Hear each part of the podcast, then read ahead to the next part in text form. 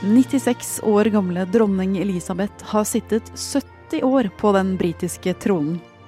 Og nå, fra torsdag til og med søndag, skal platinajubileet hennes feires med all pomp og prakt som hører kongehuset til. Men selv ikke Elizabeth Alexandra Mary Windsor vil leve evig. Det ble britene minnet på for noen uker siden, da hun for første gang på 63 år uteble fra åpningen av det britiske parlamentet. My lords, and members of the House of Commons. Her Majesty's government's priority is to grow and strengthen the economy and help ease the cost of living for families. Vikaren hennes var sønnen, prins Charles, som overtar tronen når hun blir borte. Er britene klare for det? Det er onsdag 1. juni. Jeg heter Marte Spurkland, og du hører på Forklart.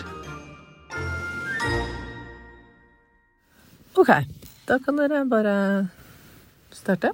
Eirin Hurum er Aftenpostens europakorrespondent og har fulgt med på og skrevet om den britiske kongefamilien i årevis.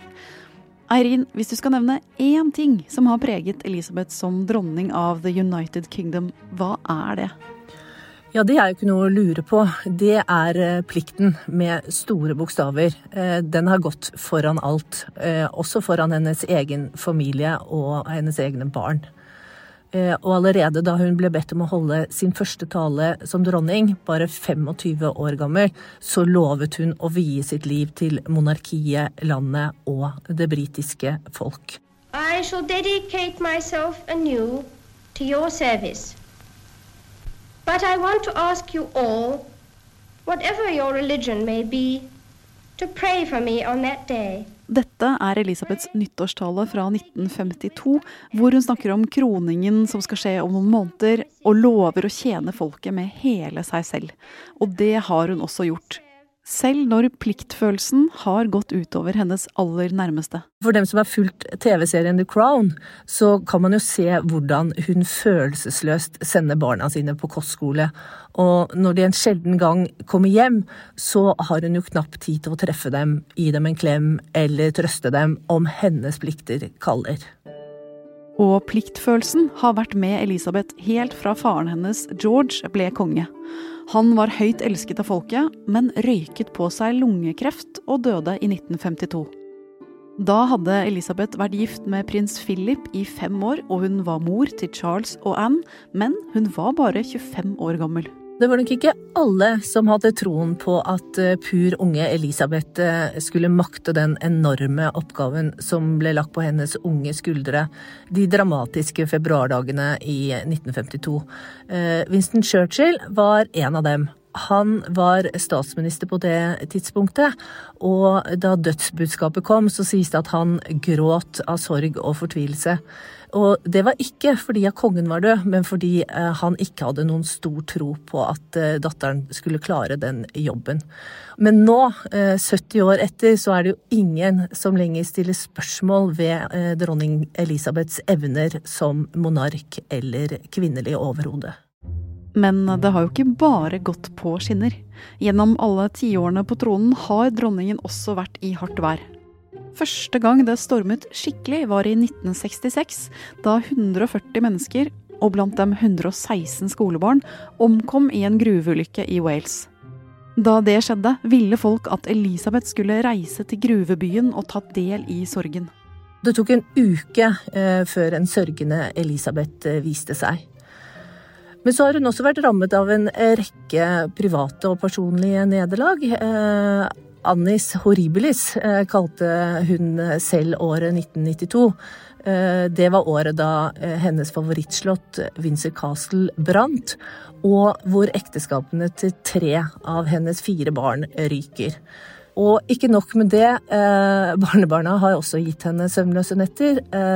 Prins Harry, for eksempel, han han stilte jo på fest i et nazikostyme, eh, og britene lurte på i hva i all verden eh, de skulle med denne dysfunksjonelle familien. Men det som virkelig fikk det britiske folket til å tvile på sin egen dronning, var da eks-svigerdatteren hennes, prinsesse Diana, døde.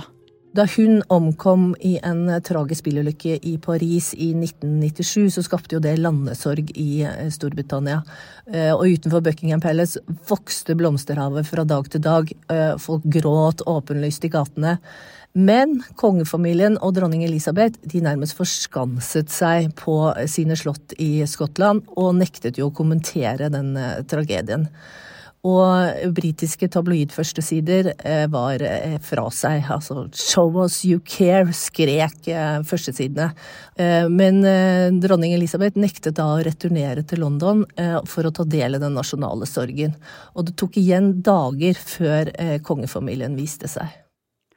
Og fra det bunnpunktet i dronningens popularitet tok det jo da tid å bygge seg opp igjen. Hvis vi skal spole fort framover, Eirin, når var det Elisabeth kom på ordentlig god fot med folket sitt?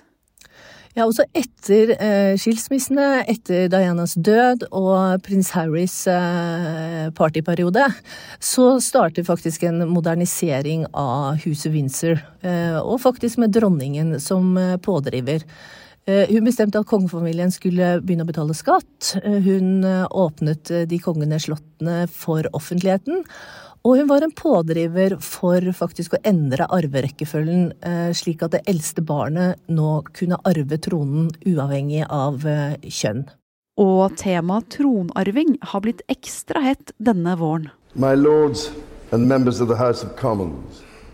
Hvordan vil det gå med det britiske kongehuset uten Elisabeth? Blir det færre skandaler med Charles som konge? Eller tvert imot?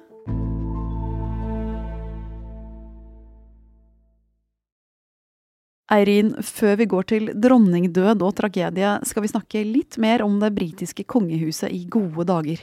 Vi skal til året 2011, da Storbritannia ble hipt igjen, og det var Cool Britannia for alle penga.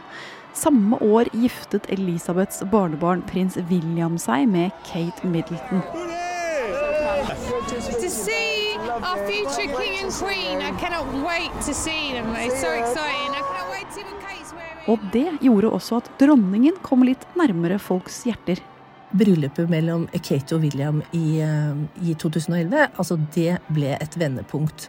Eh, og en begivenhet som traff eh, britene, og som ga dem troen tilbake på at kongefamilien igjen forstår sitt eget folk og kultur. Og det bryllupet det ble en skikkelig folkefest. Eh, brudeparet de kjørte eh, rundt i, i, Londons gater i en Austin Martin med ballonger og Just Married-skilt på bilen. Og det var nachspiel på Buckingham Palace med innleid discjockey, og det var hotdog til nattmat. Eh, og dagen etter bryllupet så stilte Kate i et antrekk fra billigkjeden Topshop, og det var jo helt uh, hysteriske tilstander. Den kjolen var jo uh, utsolgt i løpet av et par timer. Eh, og det var ikke slutt med det heller, fordi året etter, i 2012, så arrangerte britene et eh, fantastisk eh, sommer-OL. Og igjen så var dronningen i fokus. Jeg husker hun ankom åpningsseremonien på OL-stadion i et helikopter sammen med James Bond. vel, det var et filmtriks, men britene elsket stuntet. Og det ble mer og mer tydelig at en ny generasjon hadde inntatt eh, Buckingham Palace. Og de elleve årene som har gått siden da, har bydd både på oppturer, søte oldebarn til dronningen, og nedturer, som prins Andrews sexskandaler. Særlig det siste året har vært tøft for den 96 år gamle dronningen. I april i fjor døde ektemannen hennes, prins Philip, og det ble publisert bilder hvor hun satt ensom i Slottskapellet og sørget.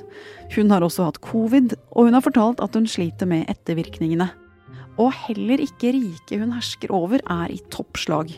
Det britiske imperiet er for lengst oppløst, og nå synger også det britiske samveldet på siste verset. For noen av de 15 landene Elisabeth er dronning over, vil ikke lenger ha henne som overhode.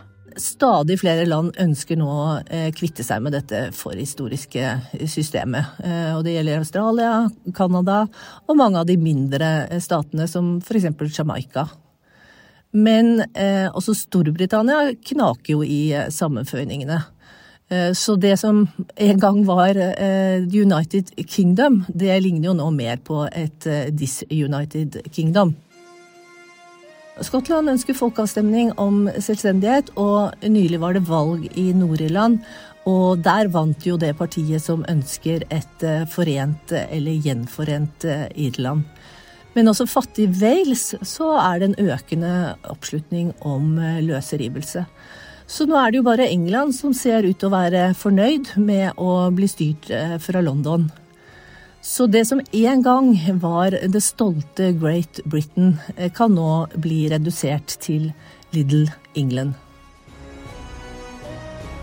Da prins Charles holdt åpningstalen i parlamentet for noen uker siden, ble det altså et tydelig tegn på at en æra går mot slutten. Det gjorde inntrykk på britene, og på oss andre som liker å følge med på dronninga deres. Eh, Eirin, kommer vi til å se mer av dronningens vikar og etterfølger fremover? Vi kommer mest sannsynlig til å se en eh, slags eh, slow motion-abdisering i månedene framover. Vi vil se mer og mer av prins Charles mindre og mindre av eh, dronning Elisabeth. Men hun vil ikke abdisere, slik som eldre kongelige gjør rundt om i Europa, som f.eks. i Nederland, Belgia og Spania. For det er det ingen tradisjon for i Storbritannia. Elisabeths mor ble 102 år gammel, og det kan jo være at hun selv har litt lyst til å slå den rekorden. Men når hun forsvinner, Eirin, hva slags konge får britene da med Charles? Ja, For det første så får jo britene en konge som har hengt i skjørtene på moren sin i 70 år. Eh, at prins Charles er klar for å komme ut av morens skygge, er vel ingen overdrivelse. Eh, for det andre så får eh, de en konge som i beste fall blir eh, respektert, men langt fra elsket. Charles har lenge vært ansett som kongehusets rebell og radikaler, faktisk. Han har vært opptatt av alternativ medisin, hagearbeid, klima og arkitektur. Og sånn sett så har han jo hatt en del tidsriktige meninger, men særlig konservative har det jo ikke vært. Eh, og mens eh, dronning Elisabeth ikke har sagt én kontroversiell ting i hele sitt liv, så har det jo ofte vakt oppsikt at eh, prins Charles sutrer og klager og mener en masse. Og så er det imaget, da.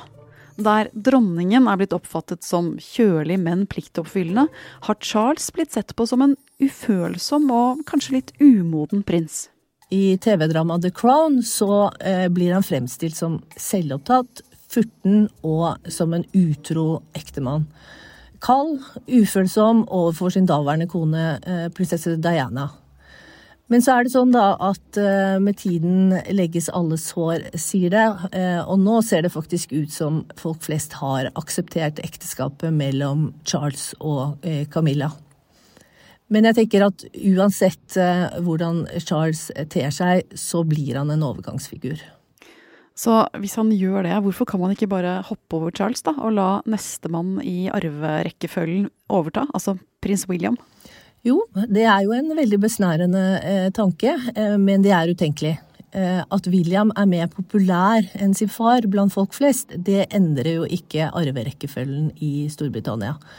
Eh, dessuten, William er en travel trebarnsfar, og jeg tror at britene unner han noen år før de store pliktene kaller. Noe som er både litt fælt og litt gøy med kongehus, er jo skandalene. Og der har britene levert de siste årene. Med Andrews forbindelse til sexhandeldømte Jeffrey Epstein og prins Harry og Megans farvel til kongefamilien. Hvis du skal gjette på fremtiden, Erin, hvordan blir det med rojale skandaler i store eller lille England fremover? Vel, eh, de to største skandalemakerne er nå ute i kulden. Prince Prins Andrew er jo strippet for eh, sine kongelige og militære ærestitler, og prins Harry og Meghan har emigrert til USA. Så jeg tror at under kong Charles så vil vi se et, et slankere og mer nedstrippet kongehus. Et slags slim down-monarki, som britene ville sagt. Og jeg tror at antall personer på Slottsbalkongen og i den indre krets, det kommer også til å bli færre og færre. Men det vil overraske meg eh, om det allikevel eh, ikke kommer nye skandaler. Eh, for et kongehus uten skandaler, det kan vel knapt kalles et ekte kongehus. Og hva i all verden skal filmskaperne leve av om skandalene uteblir?